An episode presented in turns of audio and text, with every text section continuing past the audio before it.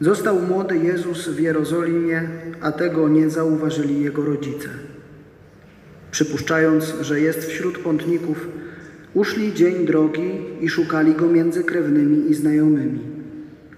Gdy go nie znaleźli, wrócili do Jeruzalem, szukając go. Dopiero po trzech dniach odnaleźli go w świątyni, gdzie siedział między nauczycielami, przysłuchiwał się im i zadawał pytania. Wszyscy zaś, którzy go słuchali, byli zdumieni bystrością jego umysłu i odpowiedziami. Na ten widok zdziwili się bardzo, a jego matka rzekła do niego: Synu, czemu nam to uczyniłeś?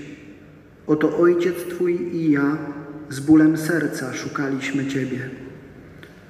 Lecz on im odpowiedział: Czemu mnie szukaliście? Czy nie wiedzieliście, że powinienem być w tym, co należy do mego ojca? Oni jednak nie zrozumieli tego, co im powiedział. Potem poszedł z nimi i wrócił do Nazaretu i był im poddany. A matka jego chowała wiernie wszystkie te sprawy w swym sercu. Jezus zaś czynił postępy w mądrości, w latach i w łasce, u Boga i u ludzi. Oto słowo Pańskie. Chwała Tobie, Chryste.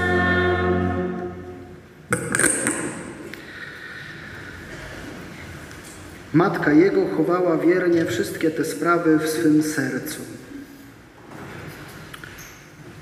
Bóg, kochani, stworzył nasze serce bardzo pojemnym. Mieści się tam bardzo dużo, bardzo dużo skrajnych naszych przeżyć, emocji. Jest tam radość z narodzin, smutek z pożegnania, ze śmierci. Jest tam tęsknota i radość spotkania. Jest tam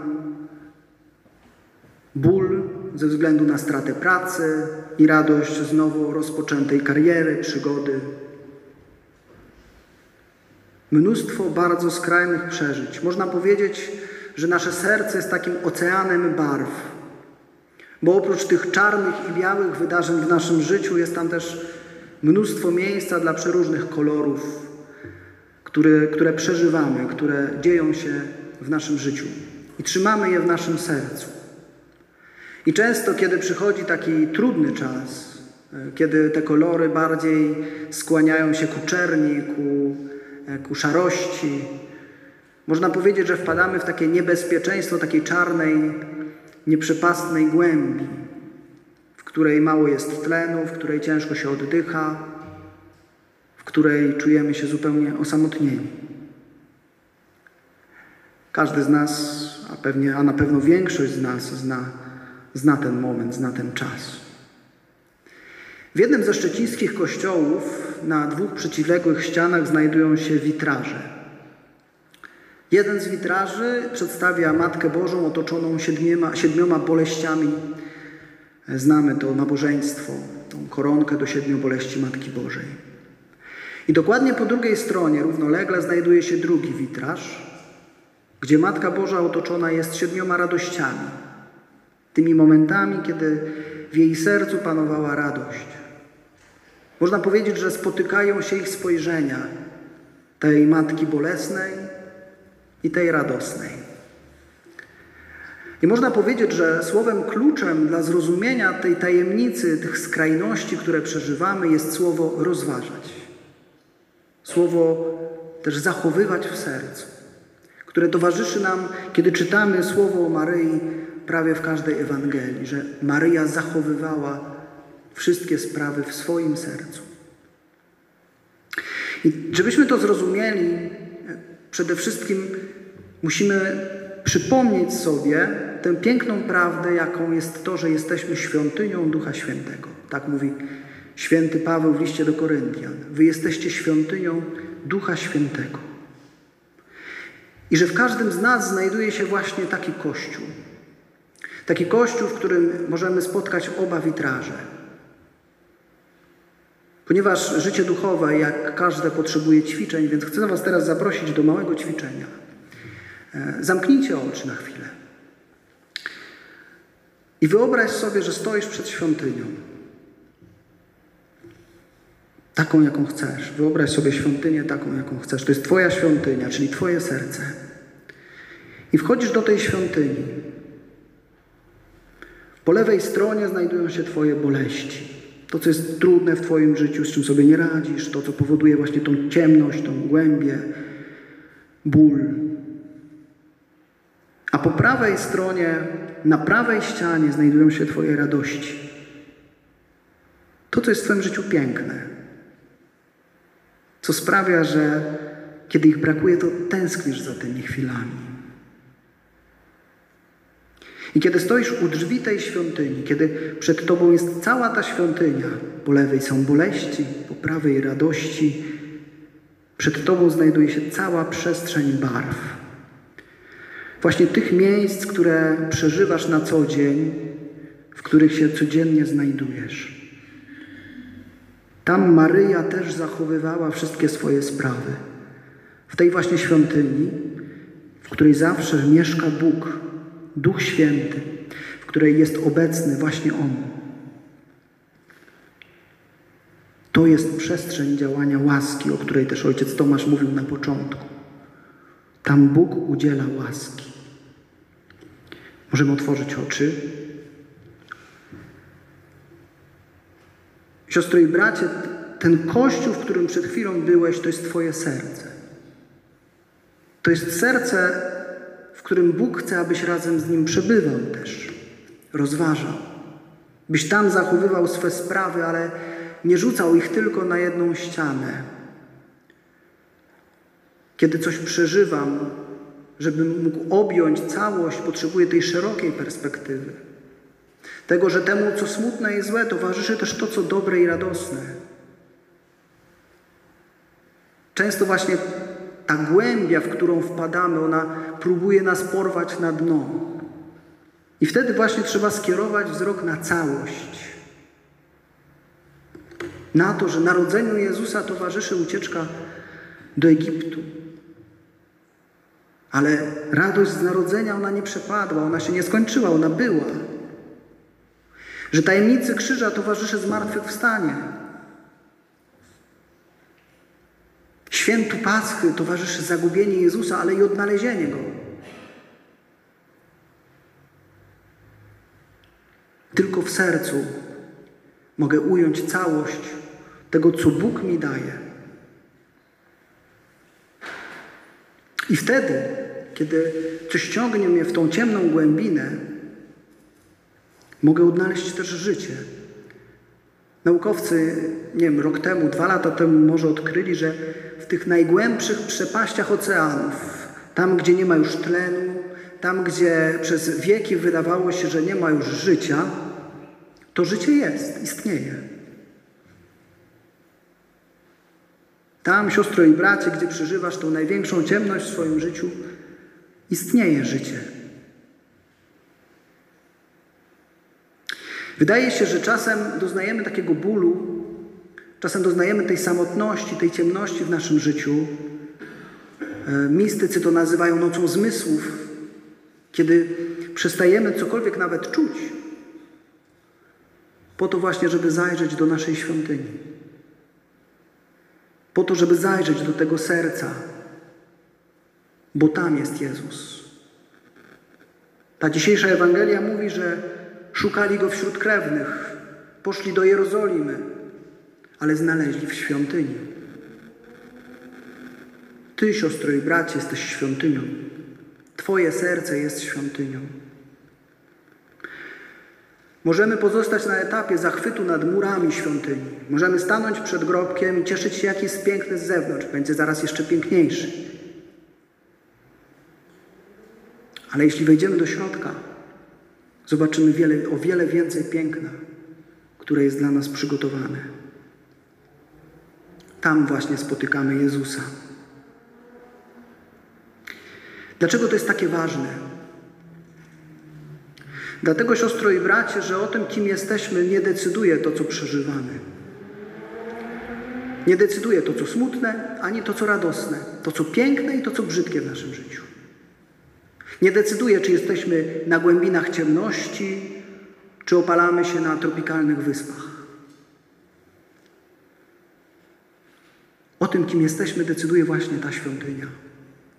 Ta Boża obecność w nas. To serce, które niezależnie od tego, co przeżyło, w jakim jest stanie, jest obrazem Boga. A naturą człowieka i naturą tego serca jest dobro i piękno. I nic go nie zmieni. Nic tej natury nie jest w stanie zmienić. Nikt nie jest w stanie zmienić Bożego mieszkania w złe. Pod warunkiem, że oczyścisz siostro i bracie całą tą przestrzeń dookoła. Że oczyścisz mury świątyni, że, że nie będzie nic stało na przeszkodzie tego, byś mógł do niej wejść, byś mógł zamieszkać tam razem z Bogiem. Ale do tego prowadzi oczywiście droga. Droga rozwoju. Rozwoju, który ma mnie prowadzić do tego, by umieć kochać i by umieć tą miłość przyjmować. Rozwój to także błędy, to także potyczki, to także upadki. Naturalne. Ale rozwój ma mnie prowadzić ku miłości. Ku temu bym potrafił kochać i tę miłość przyjmować. Oczywiście łatwiej zasłonić wejście do świątyni. Łatwiej wskoczyć w nurt mediów społecznościowych, internetów, filmików, seriali, w świat płytkich relacji. Łatwiej wskoczyć w taki zewnętrzny świat, który próbuje nas odciągnąć od tej świątyni, żebyśmy przypadkiem nie doświadczyli spotkania z Jezusem w nas. I to jest nasza walka w tej przestrzeni. Żeby to, co próbuje nas od Jezusa odciągnąć, nie odniosło sukcesu. Żebym szedł do tego spotkania. Bo spotkanie z Jezusem odbywa się wewnątrz świątyni. I siostro i bracie, kiedy dziś będziesz przyjmować komunię świętą, to to jest ten fundamentalny moment, kiedy kapłan ukaże Ci na chwilę to ciało Chrystusa, zanim je przyjmiesz do siebie, wypowiedz głośno Amen. Niech ono nie będzie tylko takim zwyczajnym rytuałem, ale niech będzie słowem, które ma potwierdzić: Panie, ja chcę, żebyś był w tym sercu, ja, chcę, ja chcę w tej świątyni mojego serca spotkać. Chcę tam wejść razem z Tobą. Chcę się spotkać z tym, co trudne i tym, co piękne, ale z Tobą się chcę tam spotkać. Z Tobą chcę to wszystko dźwigać.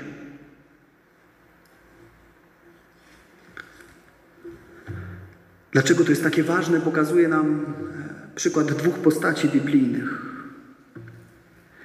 Kiedy znajdziecie się w Ziemi Świętej w Jerozolimie, u stóp Góry Oliwnej znajduje się ogromna skała. I w tej skale znajdują się dwa kościoły, dwie kaplice, dwa, dwa miejsca kultu. Jeden z nich to grób Maryi, którego odpowiednikiem jest ta świątynia. A drugie miejsce kultu to mała grota, w której Judasz miał ucałować Jezusa i oddać go strażnikom.